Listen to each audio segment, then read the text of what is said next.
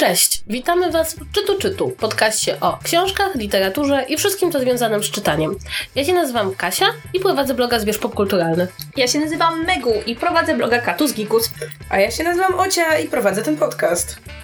Zaczniemy od e, segmentu Co mamy w torebce, w którym opowiadamy o książkach, które właśnie czytamy. I zacznie Ocia, bo ona wygląda jak osoba, która strasznie chce wam opowiedzieć, co właśnie czyta. To będzie trochę kłamstwo, ponieważ nie mam tej książki w torebce, nie widziałam jej jeszcze fizycznie na oczy, a przeczytałam ją głównie dlatego, że ją przetłumaczyłam. Jej, brawo cia! No to Kiedy tego słuchacie, książka od tygodnia jest na rynku. Nosi tytuł Miasto Świętych i Złodziei. Jest to debiut amerykańskiej pisarki Natalie C. Anderson. Książka zalicza się do segmentu literatury młodzieżowej i wydaje mi się, że jak na tę kategorię wypada więcej niż przyzwoicie. Mamy główną bohaterkę, 16-letnią Tinę, która urodziła się w Demokratycznej Republice Konga, ale w wyniku tamtejszej sytuacji politycznej została zmuszona do ucieczki do Kenii. I obecnie ma 16 lat, należy do gangu mm, i od 4 lat jest sierotą, ponieważ jej matka została zamordowana. Punktem wyjścia dla fabuły jest y, próba dowiedzenia się, kto jest mordercą. Czy raczej dokonanie zemsty na człowieku, którego Tina za tego mordercę uważa. Ponieważ ona jest przekonana, że doskonale wie, kto dokonał tej zbrodni, ona przez te 4 lata jakby szkoliła się w tym, by zniszczyć tego człowieka, skompromitować go, a następnie go zamordować. Czekaj, czy to jest jakiś paranormal? Nie, absolutnie nie. To jest kryminał slash thriller porównywany do zaginionej dziewczyny i mężczyzn, którzy nienawidzą kobiet. O mój Boże, czy on ma to na okładce? On ma to w blurbie. Och mój Boże. I O, o Boże, nie. Przepraszam, nienawidzę blurbów. tak, znaczy ta książka moim zdaniem nie ma tak naprawdę wiele wspólnego z tymi wymienionymi, zwłaszcza, że jest no, w zupełnie innym tonie, bo jednakowoż jest skierowana do innego czytelnika i to absolutnie nie jest jej wadą, no ale niestety amerykańska szkoła pisania blurbów jest jaka jest. Tak więc mamy taką dosyć silną bohaterkę, samodzielną, która na szczęście nie jest osobą pozbawioną wad, ona jest taka bardzo w gorącej wodzie kąpana, często nie daje sobie nic powiedzieć, wydaje jej się, że wie lepiej, kiedy tak naprawdę się myli, często nie daje sobie pomóc, ale równocześnie nie jest w żadnym momencie, przynajmniej dla mnie, postacią antypatyczną, raczej jej kibicujemy, trochę jej współczujemy. Ma dwóch towarzyszy, twojego najlepszego przyjaciela, który jest homoseksualistą, no jest taki trochę stereotypowy, ale przy tym jest niesamowicie sympatyczny i taki, że tak powiem, barwny, też bardzo szybko można go polubić. No i jest Michael. Michael jest synem człowieka, którego ona podejrzewa o to, że jest mordercą. Oczywiście. Znaczy, strasznie podoba mi się to, że Michael też nie wpada w żaden taki stereotyp, nie jest, nie jest bucem, nie jest jakimś, wiecie, dranie kochają najmocniej, tego typu postacią. Generalnie jest taki pełen wsparcia i mimo, że jego ojciec jest podejrzewany o morderstwo, to on stara się raczej pomóc, by wyjaśnić tę sprawę, ponieważ on z kolei wierzy bardzo w niewinność swego ojca, postanawia pomóc Tinie w rozwikłaniu tej zagadki, żeby tego ojca oczyścić z zarzutów. No i oni z Kenii później jadą właśnie do Konga i tam dowiadujemy się trochę o tej sytuacji, nazwijmy to polityczno-społecznej, ponieważ w Kongu wciąż różne ugrupowania militarne, paramilitarne, jakieś bojówki rebelianckie toczą ze sobą wojnę domową i sytuacja tam wygląda no bardzo źle, szczególnie dla kobiet. I w książce pojawiają się opisy na przykład tego, co się dzieje, kiedy do szpitala prowadzonego przez zakonnicę, gdzie pracują pielęgniarki w cywilu, no wpada taka banda jakichś tam bojówkarzy i co się z tymi kobietami dzieje, jaki los je spotyka, co się potem dzieje na przykład z dziećmi takich kobiet. Generalnie książka podejmuje dużo trudnych tematów i wydaje mi się, że jak no na pozycję no, skierowaną jednak do młodzieży robi to całkiem nieźle nie miałam takiego poczucia, że autorka tylko prześlizguje się po tematach, między innymi dlatego, że jakby ona sama pracowała y, z uchodźcami, pracowała z kobietami właśnie, które zostały zgwałcone i nie opisała w książce losów żadnej konkretnej kobiety, ale jakby inspirowała się historiami, które słyszała w ramach swojej pracy. Czy jest trójkąt? Nie ma. Nie ma. To jest po prostu gigantyczna zaleta tej książki. Nie ma żadnego trójkąta miłosnego i generalnie wątek romantyczny jest na trzecim planie. Na pierwszym planie jest ten wątek, powiedzmy, kryminalny, z intrygą, który jest, no, pod koniec dosyć sztampowy, ale myślę, że, że można to tej książce wybaczyć. Generalnie ja ją polecam. Polecam ją przede wszystkim no, osobom, do których książka jest targetowana, czyli powiedzmy młodzieży, starszej młodzieży. Y, oprócz wspomnianych przeze mnie tematów, zajmuje się też, porusza na przykład problem handlu bronią, czy handlu złotem, w tym na przykład złotem tak zwanym krwawym złotem, czyli wydobywanym w nielegalnych kopalniach, gdzie ludzie pracują po prostu w drastycznych warunkach. No i później takie złoto jest jakby prane przez taką legitną kopalnię złota i wprowadzane na rynek. Jest trochę wątku nierówności społecznych w Kenii, to znaczy akcja zaczyna się w fikcyjnym mieście, skonstruowanym na tej zasadzie, że z jednej strony mamy taką, takie typowe slumsy dla biedoty i na wzgórzu, gdzie jest trochę taka powiedzmy lepsza strefa klimatyczna, bo tam z jednej strony jest wzgórze, z drugiej strony jest ocean, no to tam są oczywiście domy tych najbogatszych, no jest ta gigantyczna przepaść między jednymi a drugimi. Tak więc polecam. Nie piszcie, że źle przetłumaczone, bo bardzo się starałam. Ja jestem, ja jestem powiem szczerze bardzo zaskoczona, bo nie spodziewałam się, że ktoś napisał powieść młodzieżową, kryminalną, e, która próbowałaby opisać konflikt w Kongo, który jest konfliktem takim postkolonialnym, który trwa i trwa i właściwie się nie może skończyć, czy, czy kogoś, kto by się zdecydował jeszcze do tego włożyć kwestie związane z nierównościami społecznymi w Kenii, które są kolejnym olbrzymim problemem, który się zwykle spotyka w takiej dorosłej literaturze, zwykle afrykańskiej, którą tłumaczą i dopiero dają do czytania, kiedy człowiek jest dorosły i wtedy człowiek odkrywa po prostu, że właściwie o Afryce i o toczących się konfliktach, problemach, bo to, to nie tylko kwestia konfliktów zbrojnych, ale też problemów społecznych, w sumie nic nie wie, więc nawet fajnie, żeby młodzi ludzie mieli to jakby te takie drzwi do do spojrzenia na inną część świata i, i na problemy tych ludzi od trochę innej strony. Jestem, powiem szczerze, bardzo zaintrygowana, bo w sumie nie pomyślałabym, żeby ktoś. Jakby nie, nie przyszłoby mi to od razu do głowy jako tematyka powieści młodzieżowej. I fajnie, że taka książka się ukaże. Mam nadzieję, że będzie dobrze przetłumaczona. dobrze. Mygła, ty co ostatnio czytałaś? Co miałeś w torebce? Ojej, a więc to jest moja kolej. Ja właśnie próbuję wygooglować, jak się nazywał autor mojej książki.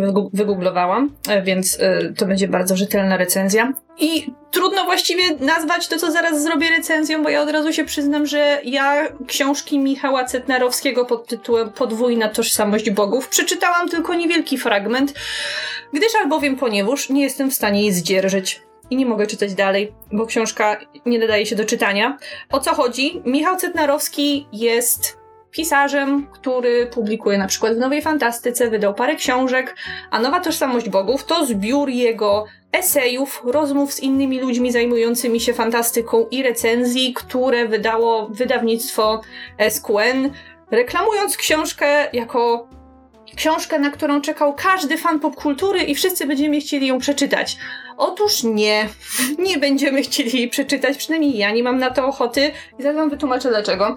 Po pierwsze tak, zabrałam się za te eseje, i tutaj robię teraz takie króliczki palcami, bo to nie są eseje, tylko to są bardziej notki encyklopedyczne napisane w dużej mierze na podstawie Wikipedii, które są napisane tak topornym językiem, nie podają ci żadnych nowych informacji na temat autorów, o których gość pisze, że bardzo ciężko jest przez to przebrnąć, bo on pisze takim totalnie nieciekawym językiem starego profesora akademickiego, który stwierdził, że nagle zacznie wykładać popkulturę, więc w ogóle mnie to nie porwało. Tym bardziej, że dobór tematów dobitnie udowadnia mi, z jakiego środowiska pochodzi autor. A ponieważ jest związany z nową fantastyką, więc on tak się obraca w kręgach takiego kanonu fantastyki, który każdy powinien znać, jeżeli interesował się kiedykolwiek fantastyką, a ta fantastyka skończyła się dla tego autora mniej więcej na, w okolicy lat 2000. Więc to jest e, Philip K. Dick, to jest oczywiście omówienie dokładne Sapkowskiego, jest tam coś o Lemie, jest tam coś o Zajdlu, czyli generalnie rzecz biorąc, jego zainteresowania w ogóle nie pokrywają się z moimi. Dlatego kiedy ja widzę książkę, na której jest napisane, że każdy fan, fan popkultury czekał na tę książkę, to ja jednak oczekuję czegoś, co będzie bardziej współgrało ze współczesnymi zainteresowaniami popkultury, że to nie będzie tylko taka bardzo klasyczna fantastyka i science fiction, ale powiedzmy coś bardziej współczesnego, czym w tym momencie ludzie się jarają, a mam wrażenie, że najnowszą rzeczą, rzeczą jaka ta książka omawia, to są, nie wiem, może w, w pewnym momencie zahacza e, odrobinę o filmy superbohaterskie i o Sapkowskiego i to jest właściwie wszystko. Przepraszam, jeżeli będę teraz y, dla autora trochę, trochę niesprawiedliwa, ale tak jak powiedziałam, nie jestem w stanie przeczytać tej książki do końca, bo jest taka nudna. Znaczy, ja mam, ja jakby, ponieważ wszystkie dostałyśmy chyba tą książkę, chcąc, nie chcąc, to jest kolei mam z tą książką ten problem, że autentycznie patrząc na wybór tekstów, które się w niej znalazły, nie mam w stanie powiedzieć, dlaczego one się tam znalazły. To znaczy, każda książka, nawet jeśli zawiera zbiór czyjś tekstów, recenzji, e, esejów, powinna mieć jakiś klucz. To znaczy, że czytelnik może być, okej, okay, dobrze, ja mniej więcej wiem, gdzie autor mnie tymi esejami prowadzi, czy jaki jest jakiś wspólny klucz do tych tekstów, które czytam. Ja go nie znalazłam. Co więcej, absolutnie nie rozumiem, czemu ten, ta, ta, ta książka zawiera recenzje książek. Które zostały wydane lata świetlne temu. Tak, i to nie są, ja, ja przynajmniej nie miałam wrażenia, że to nie są takie recenzje zrewidowane. To znaczy takie, że powiedzmy autor już wie, co się z tą książką dalej stanie i, i, i pisze o niej z perspektywy czasu, tylko nie, to są recenzje tak, jakbyśmy mieli dopiero pójść do i je kupić. To, co mówicie, brzmi tak, jakby autor miał bloga i postanowił po 10 latach pisania bloga zebrać notki, które uważał za fajniejsze i Nie, je wydać. słuchaj, gdyby to jeszcze był blog, bo na blogu mówisz jednak w takim bardziej dla przystępnym człowieka stylu i mówisz o rzeczach, które aktualnie są dla jakiegoś wycinka fandomu ważne, ale nie, to są takie po prostu toporne teksty, które jeszcze nie noszą żadnych znamion eseju. Ja nie mam pojęcia, dlaczego on nazwał to esejami, bo w eseju to jednak stawiasz jakąś tezę, próbujesz coś udowodnić, dodajesz dodajesz coś do dyskusji na temat danego dzieła, a ten gość tutaj nic nie robi. Jak on opisze o historii polskiej fantastyki, to po prostu podaje ci lata, co było wtedy wydane i jak dobrze to się czytało i jak się w ten sposób polska fantastyka rozwijała. Poza tym on co chwilę sobie strzela w stopę takimi doborami tych tekstów typu, że na, widzę, że jest tytuł, że będzie mówił o sequelach, czy, czy sequele w ogóle w kinie mają jakiś, jakąś rację bytu. I ja sobie myślę, och, to może teraz w końcu będzie coś ciekawego, co mnie zainteresuje. I ja patrzę się do tego tekstu, a on omawia coś, co się nazywa heavy metal. Co to jest heavy metal? To nie wiem, chyba był jakiś komiks kiedyś, na podstawie którego nakręcili kiedyś film i potem nakręcili jakiś sequel. Nie mam pojęcia, bo to jest jakaś nisza niż, która naprawdę hashtag nikogo. A potem, kiedy chcę napisać esej o adaptacjach filmowych, to zamiast sięgnąć do tego wielkiego wora dostępnych adaptacji filmowych, on będzie omawiał adaptacje filmowe Jądra Ciemności. Przecież nawet nie jest fantastyka. To dlaczego on ty pisze? Znaczy, ja powiem szczerze, ja uważam, że nawet jeśli ktoś miał, ma dużo tekstów, które kiedyś napisał, to spokojnie, może z nich wybrać. Ja rozumiem, no bo tak jakby na tym polegają nie wiem, teksty wybrane. Ale kwestia polega na tym, że musi być coś, co mi podpowie. Okej, okay, on powiedzmy wybiera takie teksty, z których coś razem, jakie połączył ze sobą, nawet jeśli one były napisane oddzielnie, wychodzi jakaś całość, jakby myśl przewodnia. Jestem w stanie powiedzieć, on, jakby te teksty są na różne tematy, ale ja jedną rzecz widzę, nie wiem, powiedzmy literatura i kinematografia nie idą razem w parze, albo kinematografia nie jest w stanie oddać pięknej literatury, albo cokolwiek, co w jakiś sposób te rzeczy łączy. Natomiast tutaj miałam takie wrażenie, paradoksalnie, jakby ktoś otworzył szufladę, wyjął z niej wielkie, wszystkie te teksty, które kiedykolwiek napisał i zrobił tak, ten wygląda dobrze, na lewo ten nie wygląda na prawo. I wiesz, i także sama struktura tej książki, która po prostu dzieli to na eseje, wywiady i recenzje. Dodajmy tylko, że w wywiadach nie ma ani jednej kobiety, specjalnie sprawdziłam, może jestem uprzedzona, ale nie ma tam ani jednej kobiety. Ale wiesz, i gdyby na przykład te wywiady korespondowały w jakiś wyraźny sposób z tymi tekstami, albo gdyby te recenzje recenzowały rzeczy, które się pojawiały w tych tekstach, wtedy spoko. To mogły być rzeczy nawet napisane bardzo dawno, nawet, nawet jakby powiedzmy miał bloga i wybrał sobie najlepszy tekst. Ale musi na tym stać jakaś myśl przewodnia, bo inaczej to nie jest książka, tylko to jest jak okładka, która zbiera rzeczy, które ze sobą nie korespondują i paradoksalnie to moim zdaniem nawet sprawia, że lepszy tekst czyta się gorzej, jeśli się znajdzie lepszy tekst, bo moim zdaniem tam niektóre są nawet ciekawe, bo nie wiesz właściwie po co on tam jest i dlaczego go czytasz. I zgadzam się, że jednym z dużych problemów jest to, że powiedzenie, że to jest książka, na którą czekali wszyscy fani popkultury jest mocnym, mocnym przegięciem. Nie, no bo to, takie stwierdzenie mi od razu weźmie pod włos. I w, w rezultacie to jest książka dla nikogo, bo jeżeli weźmie ją ktoś, kto się interesuje fantastyką, to nie znajdzie tam niczego nowego, bo to jest zbiór totalnie podstawowych informacji, a jeżeli weźmie to osoba, która chciałaby dopiero się tymi rzeczami zainteresować, to ma tak wysoki próg wejścia, ponieważ to jest napisane tak niestety nieprzystępnym językiem, że prawdopodobnie się jej to nie spodoba. I tak, tyle. Więc, więc to jest, dla mnie to jest przede wszystkim zmarnowana okazja ta książka. Dlatego, że ja, jak ja czytałam te teksty, nie wszystkie, bo też mnie, powiem szczerze, jakby znudził, znudziło czytanie tekstów, które są od sesa do lasa. To pomyślałam sobie, że jest to osób związanych z, ze środowiskiem nowej fantastyki, z tym fandomem, które chętnie by tą książkę przeczytały, ale gdyby ona była lepsza. Mhm. Ale to smutne, co mówicie, bo brakuje właśnie jakichś takich publikacji, które dotyczyłyby popkultury, które dotyczyłyby na przykład nowszej fantastyki, no bo właśnie o tej starej fantastyce napisano już w pewnym sensie wszystko. No co nowego może mi ktoś napisać o Zajdlu czy o Lemie, których analizy ja już przeczytałam, no wiecie, ze 20 różnych. Dlatego zakończmy tę recenzję myślą. Katarzyna, świat czeka na twoją książkę. Pisz, dobrze. Katarzyna nie pisze, Katarzyna czyta.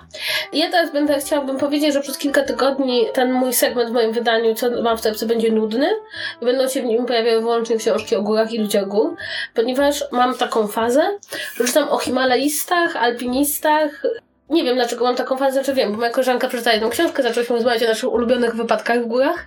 To jest fantastyczny temat, a powiedz nam więcej. Ponieważ e, ja nie wiem, nie wiem jak wy, ale ja mam swoje ulubione tragedie alpejskie. Uwielbiasz, jak ludzie giną. Rozumiem to. Nie szanuję.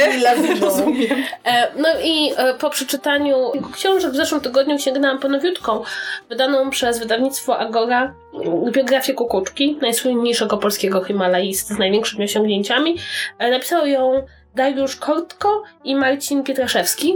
I powiem szczerze, ja bardzo liczyłam, że to będzie ciekawa książka, ponieważ Kukuczko no nie był, był taką legendą polskiego himalaizmu, ale także, jak wiemy, był człowiekiem, który tragicznie zmarł, jak wielu himalaistów, ale także był człowiekiem, który nie ma jednoznacznej legendy. To znaczy, był to taki alpinista czy himalaista, który szedł w góry i nie zawsze wracał ze swoim partnerem. Są o nim opinie, że był egoistyczny, że wejść na, górę było dla niego najważniejsze. Są Myślę, opinie, że mówi że był, się tak o wszystkich że był, że był, Ale są też opinie, że był bardzo koleżeński. Były takie opinie, że w pewnym momencie zaczął gwiazdożyć. No i ja bardzo dużo oczekiwałam po tej książce, ponieważ przede wszystkim dla mnie to, co w Himalajstach jest najciekawsze, to psychika tych ludzi. To znaczy, kim są ludzie, którzy bardzo często pochodzą z bardzo różnych grup społecznych, z bardzo różnych rodzin, których coś, jakaś wewnętrzna siła pcha do wspinania się coraz wyżej, do uprawiania sportu, który kończy się bardzo często śmiercią, albo przynajmniej bardzo poważnymi kontuzjami. No i jest to jakby irracjonalna potrzeba, żeby wciąż wracać i przeżywać te po prostu niesamowite warunki, które są bardzo często zabójcze dla człowieka, ponieważ na tych wysokościach najwyższych gór świata 7000-8000 metrów po prostu człowiek nie jest w stanie przeżyć. E, w związku z tym to mnie interesowało, no i niestety się strasznie zawiodło na tej książce.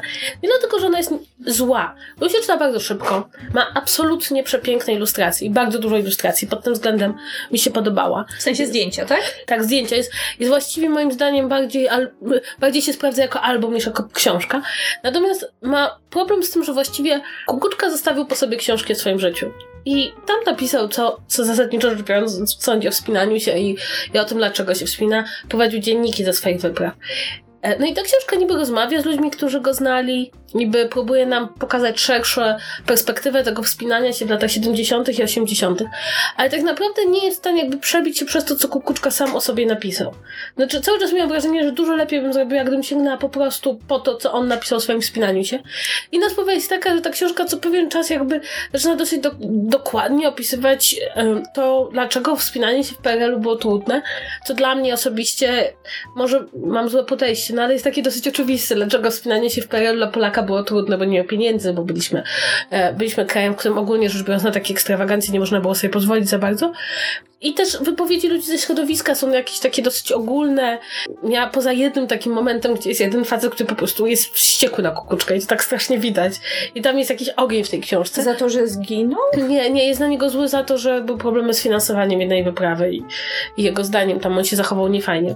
Inna sprawa jest też taka, że tuż przed przeczytaniem tego przeczytałam książkę jednego z uczestników tej nieudanej wyprawy na Broad Peak, mhm. E, który opisywał wspinanie się po górach z własnej, to było spod zamarzniętych pawik się nazywa ta książka, Bieleckiego. Mhm. I on opisywał to wspinanie się z perspektywy osoby, która się wspina. No i tam ja po prostu miałam wrażenie, że ja idę z nim każdy ten metr powyżej 7-8 tysięcy metrów i czuję po prostu każdy, dowiaduję się coraz więcej o wspinaniu się, o tym jaki śnieg jest bezpieczny, jaki śnieg jest niebezpieczny, jak przeżyć, jak sobie zrobić herbatę, jak się dowiedzieć, czy twoje stopy zaczynają się odmrażać. No, miałam tą perspektywę osoby, która tam jest. Natomiast tutaj mam perspektywę ludzi, którzy mi piszą, założyli pierwszy obóz, założyli drugi obóz, śnieżyca zmusiła ich do zejścia do pierwszego obozu, Następnego dnia była ładna pogoda. Jakby nie mam tej perspektywy pierwszoosobowej, w związku z tym te rzeczy, brzmi, które... Przepraszam, brzmi jak ta planszówka, w którą czasami gra. jak brzmi jak kadra trochę. O właśnie, tak. No więc jakby muszę powiedzieć, że ta perspektywa, która tam była bardzo fajna i sprawiła, że tamtą książkę, niezależnie od tego, jak się ocenia na tego akurat Himalaistę, się świetnie czytało, tutaj miałam wrażenie takiego olbrzymiego dystansu. I w sumie muszę powiedzieć, że gdybym miała polecić komuś kupienie tej książki, to głównie dla zdjęć, bo są mnóstwo cudownych zdjęć i też archiwalnych i takich, które po prostu pozwalają przyjrzeć się temu, jak, jak wyglądało życie Himalaistów i alpinistów. Wydaje mi się, że jeśli chciałoby się poznać lepiej Kukuczkę, to po prostu należałoby poczytać jego książki, które on, on sam napisał i które Fundacja jego imienia wznawia, w związku z tym nie są trudno dostępne. Nie wiem, może jeśli się nie czytało żadnej innej książki o górach, jeśli się nie wie nic o alpinizmie i himalaizmie, to może to jest ciekawsza książka, ale ja już jestem ponieważ jakby ja się tym interesuję od dłuższego czasu, to dla mnie było to takie, no dosyć spory zawód. I też przyznam szczerze, to już jest taka ufaka absolutnie żenująca być może. Byłam strasznie zła na tą książkę, bo ona jest ciężka. Nie, no, a ja jest legitny powód. A ja akurat jechałam, a ja akurat jechałam do Gdyni na festiwal filmowy i musiałam zdecydować przed wyjazdem, czy wezmę tą książkę, czy nie. A ponieważ byłam tak wkręcona w czytanie o górach, że ją wzięłam i potem mnie strasznie plecy bolały. Więc jakby, jeśli się zastanawiacie nad kupnem tej książki, to moim zdaniem głównie wtedy, jeśli jesteście, jeśli jesteście może na początku swojej przygody czytania książek górskich, bo naprawdę są świetne ilustracje, natomiast nie, nie, nie była to książka, ja spodziewałam się po niej po prostu dużo więcej, zwłaszcza biorąc pod uwagę, że ten mit kukuczki, naszego najlepszego e, Himalaisty też wywarł olbrzymi wpływ na kolejnych Himalajstów, kolejnych pokoleń. W związku z tym to nie jest tak, że można tej osoby jakby nie opisać. Ja nie wiem jak u was, ale jakby dla mnie przez wiele lat, jak ktoś mówi Himalajista, to ja myślałam kukuczka. Ale to może dlatego, że jakby ta pasja do czytania o Himalajstach jest silna u mnie w rodzinie, więc nie wspinamy się bardzo wysoko, ale za to przeżywamy te emocje czytając o nich. No i, i to... to przestańcie na tym, to jest bezpieczniejsze. Tak, więc to, było, e, to był krótki spis tego, co trzymamy w torebkach, a dzisiaj mamy dla Was recenzję książki i to książki, która wyszła stosunkowo niedawno, bo latem tego roku. Jest to e, Wiara autorki Anny Kańtoch, która wyszła w wydawnictwie Czarne. Jest to drugi kryminał Anny Kańtoch, bo pierwszy nazywał się Łaska i wyszedł rok, dwa lata temu.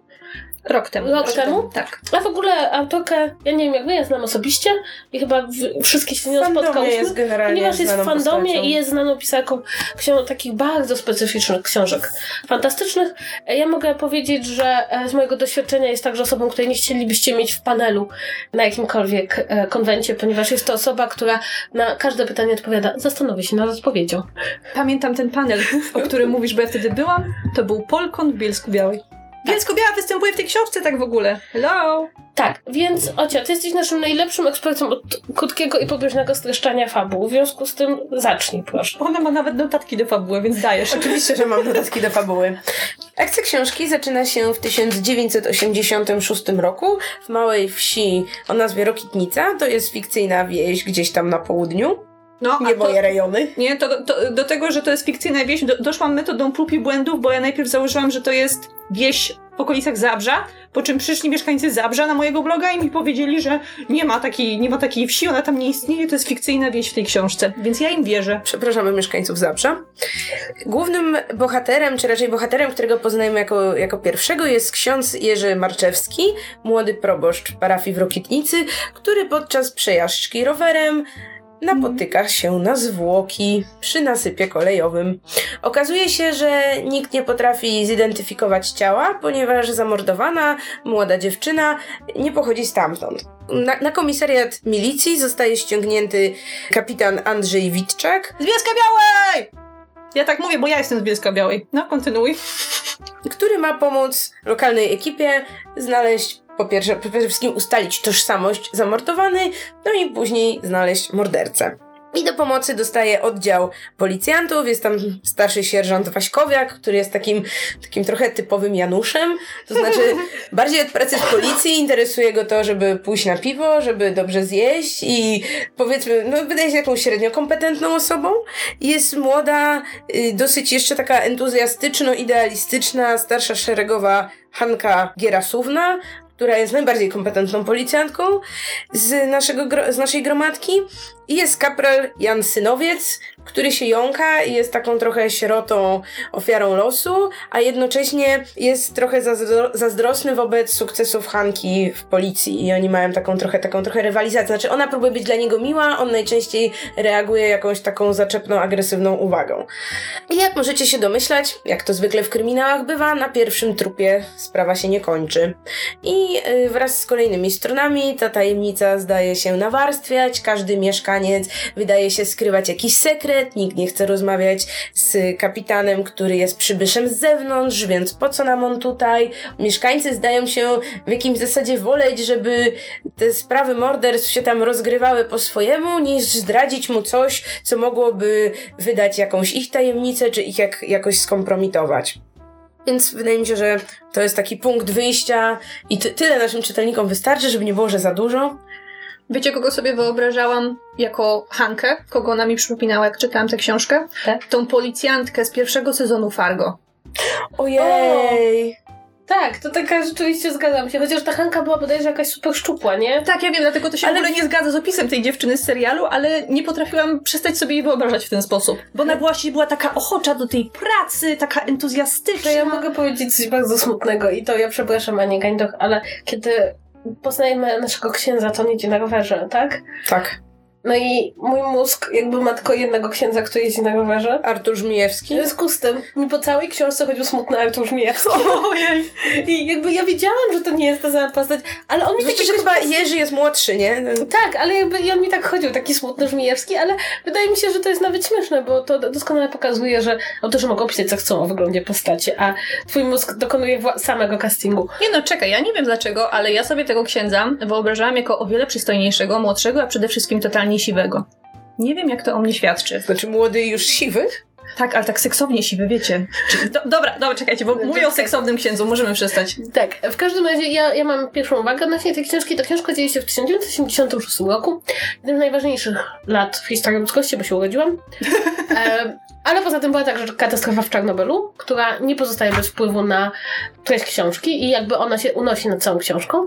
Natomiast tym, co mnie absolutnie urzekło w wieżę, to to, że jest to jedna z nielicznych książek, którą przeczytałam w ostatnich latach, która dzieje się w Polsce, w okresie PRL-u, czy nawet schyłkowego PRL-u, której autorka nie sprawia wrażenia, jakby obłożyła się książkami historycznymi i postanowiła wcisnąć każdy możliwy fakt historyczny do swojej narracji i przypominając czytelnikowi na każdym kroku, że życie w PRL-u było zupełnie inne niż dzisiaj, drogi czytelniku, i wcisnąć jak najwięcej różnych nazw produktów, jak najwięcej wydarzeń politycznych rozgrywających się w tle, jak najwięcej smaczków, żeby to było jeszcze bardziej z PRL-u. I mam wrażenie, że to jest olbrzymia zaleta tej książki, że ona ten y, czas lat 80. pokazuje w sposób naturalny. Są tam oczywiście takie elementy, które mówią nam, jakie to są czasy, prawda? To znaczy na przykład ten ksiądz mający wątpliwości, czy współpracować z milicjantem, czy może, czy to nie jest niebezpieczne. To, że ludzie jakby zupełnie nie wierzą w to, że Czarnobyl nic im nie zrobi, prawda? No bo władza mówi jedno, a my wiemy jak jest. Mm, Też to, że ona dobrze oddaje właśnie no to, że ta wieś to jest jeszcze wieś, prawda? Nawet jak się, się rozrasta, to, że przeszłość, o której cza- czasami się mówi, no to ona już jest rzeczywiście taka, mm, że powiedzmy w tej miejscowości nie, nie, nie zatrzymywały się pociągi osobowe, tylko towarowe. Nawet to, że telefon tam jest na poczcie, telefon prawda? Więc poczcie. jeśli ktoś chce do kogoś zadzwonić, to musi to zrobić z poczty. Czy, czy powiedzmy chociażby taka, moim zdaniem, e, ważna rzecz, jak oni tam próbują dojść do tego, kim jest ofiara i te wszystkie ich spotkania z ludźmi na kolejnych szczeblach poszukiwań. To wszystko jest naznaczone czasami, ale jednocześnie nikt się nie wpycha po prostu do gardła PRL, ta książka się dzieje w PRL-u. Czy mówiliśmy już, że książka dzieje się w PRL-u? Mówiłam, urodziłam się w 86, więc tej atmosfery nie znam, ale zna, pamiętam, mam na tyle dobrą pamięć, że pamiętam atmosferę letnisko, letnisk tak 4-5 lat później, e, na samym początku tam e, trzeciej Rzeczpospolitej i ona nie różniła się bardzo. I, I mam wrażenie, że doskonale to autorka opisałam. Podejrzewam także dlatego, że sięgała do własnych wspomnień, to znaczy nie pisała o PRL-u jako o tych latach 80. jako o czymś, czego kompletnie nie pamiętała, tylko podejrzewam, że tam gdzieś bazowała na być może na jakimś, na jakichś wspomnieniach z dzieciństwa, na jakiejś miejscowości, do której wyjeżdżała latem. Zwłaszcza, że ona pochodzi ze Śląska, więc to są jej, totalnie jej rejony.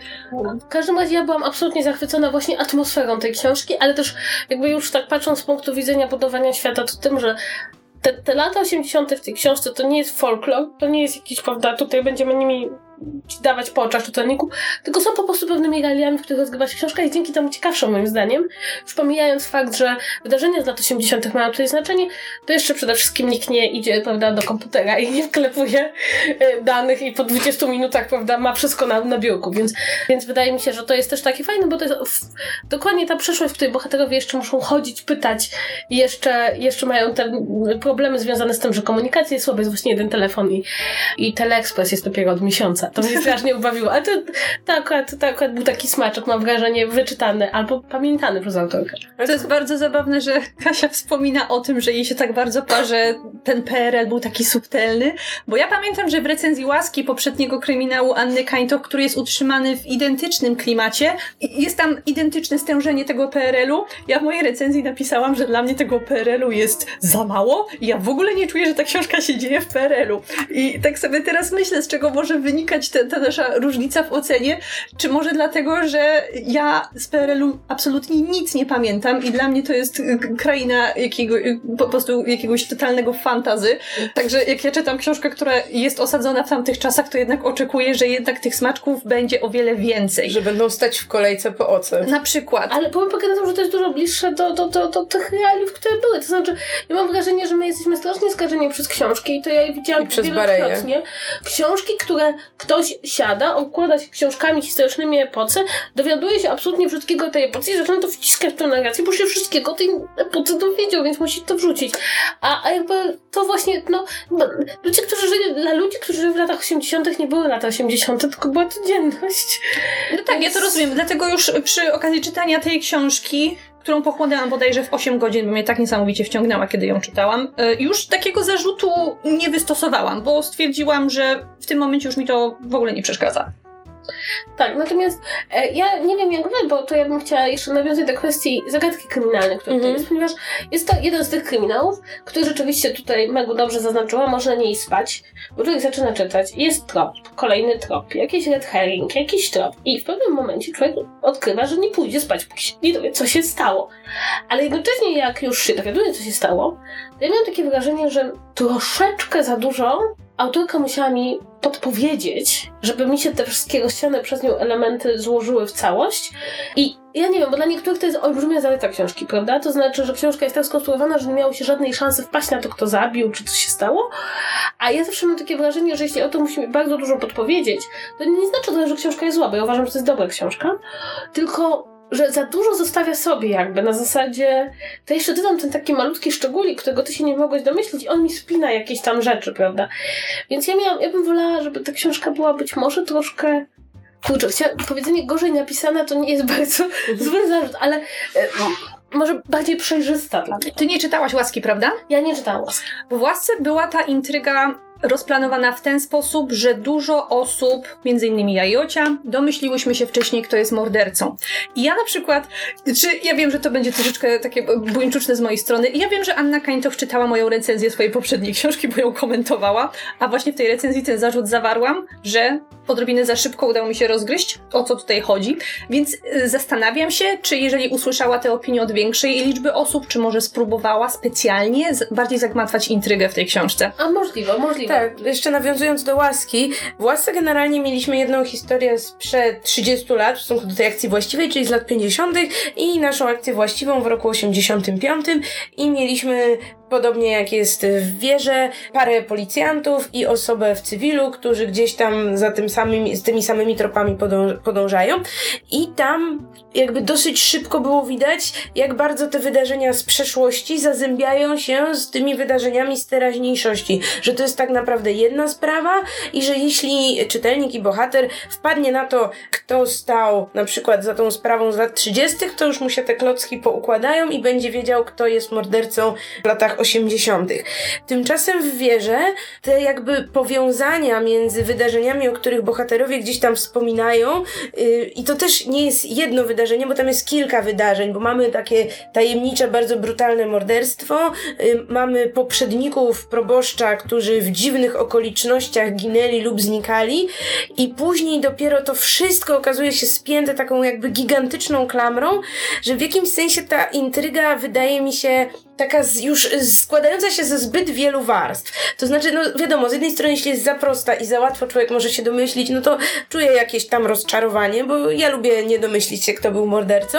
Z drugiej strony, w momencie, kiedy prawie trzeba sobie na kartce rozrysować powiązania między tymi wszystkimi postaciami, że ten z tamtym i kto był czyim jakimś tam krewnym i dopiero z tego wyłania się jakby obraz całej fabuły tego tomu, to jest to chyba trochę przekombinowane. To znaczy, ja też, ja uważam, że to jest bardzo dobra książka i bardzo dobrze mi się ją czytało, ale mam trochę problem z jakimś takim cieszeniem się, z jakąś taką satysfakcją z tego rozwiązania, bo wydaje mi się, że to z kolei, tak jak Kasia mówiła, no, no na to się po pierwsze nie da wpadnąć, a po drugie, że tam jest za dużo tych elementów na tym jednym obrazku. Mhm. Trochę, trochę tak. Inna sprawa jest też taka, że e, ta książka ma w sobie coś takiego niesamowitego, że zaczyna się ją czytać i na przykład ja bardzo szybko zaczęłam bardzo mieć silne uczucie względem różnych postaci, tak? Że zaczęłam bardzo szybko lubić tego księcia. Na przykład praktycznie dwa razy go zobaczyłam w książce i pomyślałam sobie, o, ciekawa postać, troszeczkę inaczej napisana. Ja e... zaczęłam bardzo szybko nie lubić tej pani, która była na wózku, czy co tam jej było? Tak, Ewa. Ewa. Ona była strasznie irytująca. Tak, Taka ale... mani miejska manipulatorka. Ale bardzo szybko e, udaje się autorce sprawić, że my te postacie czujemy, mamy wobec nich jakieś emocje i dlatego też bardzo trudno się od tej książki oderwać. Jest ona świetnie napisana. To jeszcze warto powiedzieć, bo ja mam problem, jak czytam po angielsku, książki tłumaczone z angielskiego i trafiam na jakieś nie, nieładne zdania, czy jakieś błędy językowe, zawsze myślę sobie, może tłumacz skopał. No i w przypadku języka polskiego, kiedy czytam książkę po polsku, dużo bardziej jestem wyczulona na zdania, które brzmią sztucznie, na jakieś takie nadmierne opisy, albo za mało opisów. Ogólnie rzecz biorąc, jestem bardziej wyczulona na język. No i ta książka jest świetnie napisana. To znaczy, nie było żadnego momentu, w którym pomyślałam sobie, autorka mm, przesadza z ornamentami językowymi, albo jest ich za mało, albo tutaj opisuje nam coś, co jest nieważne. Nie, tam rzeczywiście jest to wszystko fajnie napisane, nie ma jakichś długich opisów, ale wszystko się widzi. Ja na przykład bardzo szybko tą, tą rokitnicę i ten, ten nasyp i tą stokrotkę, nawet w tej stokrotce to prawie zapach czułam, -hmm. prawda, takiego zupy mlecznej dla kolonii. To jest taki zapach takiego domu wczasowego, więc to jest na pewno w tej książce absolutnie fenomenalne i też wydaje mi się, że co jest e, ciekawe, to dla mnie przynajmniej, jak y, treść tej książki jest totalnie niespójna z okładką. Mm. Powiedzmy może, co jest na okładce. Okładka na jest są... taka mroczna, są na niej dwie dziewczynki na czarnym tle, a z przodu zwisa różaniec. Tak, jest napisane zło nadejdzie ze wschodu. Wygląda jak taka okładka takiego, wiecie, typowego horroru y, z egzorcyzmami. O, tak. no, tak, tak, to się zgadza. Tak, i jakby już pomijając fakt, że ja się zastanawiam i tutaj to w jakimś takim oddaleniu wam zadam takie pytanie, do jakiego stopnia ta książka dla mnie nie była trochę spoilerem. Yy, do, dopiero na sam koniec, kiedy już wiesz o co chodzi. Yy, wiem, wiem, wiem o czym mówisz, bo ja jakoś w ogóle nie zwróciłam wcześniej uwagi na to, jak wygląda okładka i jeżeli się nie zna fabuły, to nie ma szans chyba, Też żeby się, domyślić, jaki ona ma związek. W każdym razie na pewno umieszczenie tak Lajno zło przyjdzie ze wschodu jest. Ale czekaj, czy to nie było to... To jest cytat z książki. No właśnie, to jest to, co oni wypisywali na drzwiach kościoła? Tak, tylko że jakby to moim zdaniem w jakiś sposób na, napędza człowieka do jakichś zjawisk paranormalnych, kiedy jakby to nie jest paranormalne. Bo to jest bardzo ciekawe, bo ta książka z tym tytułem jest taką okładką, jak się pojawia ksiądz, to człowiek od razu myśli sobie ksiądz pedofil. Nie Oczywiście. ma innego wyjścia. Ksiądz pedofil. Ciekawe na ile oni próbowali zagrać na tym stereotypie, właśnie tak projektując tę Tymczasem bardzo jest ciekawe, bo e, te, te, ten tytuł Wiara ma rzeczywiście olbrzymie znaczenie w tej książce i pod sam koniec jakby jest taki ładny, ładne kilka zdań, które wypowiada jedna z bohaterek odnośnie wiary i tego, w co ludzie wierzą i, i, i tego, w co mogliby nie wierzyć, które są dosyć przejmujące i bardzo ładnie nawiązują do tego tytułu. Mam wrażenie, że nie zdradziłam niczego. No i że ta wiara jest rozumiana trochę więcej niż Kościół katolicki, prawda? -hmm, Tylko raczej tak. to, co ludzie wierzą o świecie i o sobie samym. Aczkolwiek to jest bardzo ładny wątek w tej książce, to znaczy zarówno pokazanie takiej małomiasteczkowej społeczności i tego, jaki, jak wielki wpływ może mieć na nich religia, zarówno w tym rozumieniu, w co wierzą, bo niekoniecznie wierzą w same takie rzeczy, powiedziałabym, katolickie, ale też czasem w jakieś takie bardziej, w jakieś zabobony, w jakieś takie przesądy wiejskie. Z drugiej strony, jak wielki wpływ może mieć postać księdza w takiej społeczności, no i z trzeciej strony, jakie to wszystko może mieć konsekwencje tak naprawdę. Zarówno właśnie takie przekonanie, taka, taka ślepa wiara już w niektóre, no wręcz absurdalne zabobony, no i, i, i jakby takie też to danie się zmanipulować właśnie na przykład, na przykład księdzu, czy na przykład y, jakimś takiej, nie wiem, starszym osobom w takiej społeczności, które też bardzo mocno wierzą. Wydaje mi się, że to jest bardzo ciekawy wątek i taki dający też do myślenia. Mhm. Wspominała o tym, że jak się przeczyta ten tagline na okładce Zło nadejdzie ze wschodu, to ma się poczucie jakiegoś, istnienia jakiegoś wątku paranormalnego w tej książce i niby wątku paranormalnego nie ma, ale ponieważ Anna Kańto jako pisarka wywodzi się z fantastyki, to klimat, jaki ona kreuje w tej książce wciąż daje po sobie poznać, że to, było, to był właśnie ten gatunek, od którego ona zaczynała, bo tam panuje taka atmosfera jakiejś niesamowitości, trochę horroru, trochę jakiegoś fantazy, także właściwie wiesz, że to nie jest książka z elementami nadnaturalnymi, ale przez cały czas masz wrażenie, że jakiś duch zaraz za rogu może ci wyskoczyć. I moim zdaniem to jest niesamowity plus dla całej kryminalnej twórczości Anny Kańtoch, bo mnie się niesamowicie podoba to, jak, że ona sobie z tego takiego dziwnego klimatu zrobiła taki znak rozpoznawczy, bo i łaska to miała, i wiara to ma i mam nadzieję, że następna książka, bo to jest taki tryptyk, nie wiem jaki następna książka będzie miała tytuł, bo zapomniałam. Był konkurs na blogu autorki. Tak, chyba, ona właśnie zrobiła nie pamiętam, konkurs. czy był tylko nie- rozstrzygnięty. Był rozstrzygnięty, już nie pamiętam co wygrało, ale następna książka tytułem też ma nawiązywać do takich wierzeń, do religii, do jakichś charyzmatów, więc to wciąż, mam nadzieję, będzie utrzymane w klimatach PRL-u i wciąż będzie takie, trąciło taką niesam, niesam, niesamowitością. Tak, no na pewno ja mam wrażenie, że na tle takich kryminałów, które teraz zdobywają popularność w Polsce, zwykle, zwykle albo są szpiegowskie, albo ktoś zabił i... Albo skandynawskie, więc Tak. śnieg skrzypi i bohater przeżywa weltschmerz, jest smutny. Tak, ogólnie rzecz biorąc, dla mnie to była niesamowita książka, bo ja ją czytałam i czułam zapach lata, a jednocześnie to było takie strasznie niepokojące. Mhm. Więc e, naprawdę wydaje mi się, że wszystkie bardzo polecamy. W ogóle, jeśli nie znacie twórczości Ani Kańtok, to się bardzo polecamy zapoznać, bo jest to na, chyba na polskim rynku jedna z takich bardziej wyraźnych i wyjątkowych autorek. Jej się nie zdarzają raczej literackie wpadki. Jest pod tym względem bardzo solidna, czy to pisze fantastykę, czy kryminał, chociaż moim zdaniem w kryminale chyba sprawdza się lepiej. Znaczy, ja bym gorąco polecała Przedksiężycowych. To jest wydane jako trylogia, ale to jest tak naprawdę jedna książka w trzech tomach, bo nie ma sensu robić sobie przerw między kolejnymi. I tak naprawdę trudno to przyporządkować do jakiegoś gatunku, bo to jest trochę science fiction, trochę fantazy, trochę steampunku, trochę takiego new weird i mm, długo nie wiadomo o co, o co chodzi w ogóle w tej książce, co się tak naprawdę dzieje, ale wciąga niesamowicie i też jest napisana przepięknym językiem i w ogóle jest bardzo ładnie też wydana u nas przez Powergraph w twardych oprawach, więc y, ja bardzo też ten cykl polecam. Więc po prostu bardzo polecamy bardzo dobrą polską autorkę, którą poza tym lubimy, chyba że jest w naszych panelach, bo wtedy mówi, że jeszcze zastanowi się nad tym pytaniem. Ogólnie Kasia ma uraz, wybaczcie jej. Nie, to znaczy ja bardzo, bardzo kocham to, jak Ania Kańtoch pisze. Jest doskonałym dowodem na to, że bardzo cisi ludzie spokojni, którzy siedzą przy tobą przy jednym stoliku nie mówią ani słowa przez cały wieczór, potrafią potem wrócić do domu i opisać bardzo piękne morderstwo. Więc być Żebyśmy może- obserwowali cię i zainspirowałaś ich do czegoś. Może, może właśnie, może inspirujemy ich do czegoś. Czyli chyba to tyle w naszym odcinku. Czy macie jeszcze coś do dodania? Żeby czytali Annę Kańtoch, żeby zaczęli od łaski, a potem przyszli do wiary. Generalnie czytajcie jej kryminały, bo są bardzo fajne. I czekamy na następny. Jeśli wiecie, to pewnie też go przeczytamy i wam o nim opowiemy. Tak jest. Oczywiście. To do zobaczenia, do usłyszenia w sumie. I pamiętajcie zostawiać nam komentarze pod tym nagraniem i na naszym fanpage'u, albo polubcie nasz fanpage, jeśli jeszcze tego nie robicie. No i możecie nam wysyłać maile na czytu małpa podsłuchane.pl. My je wszystkie czytamy. Tak. I do usłyszenia w przyszłym tygodniu. Cześć. Pa, pa. Cześć.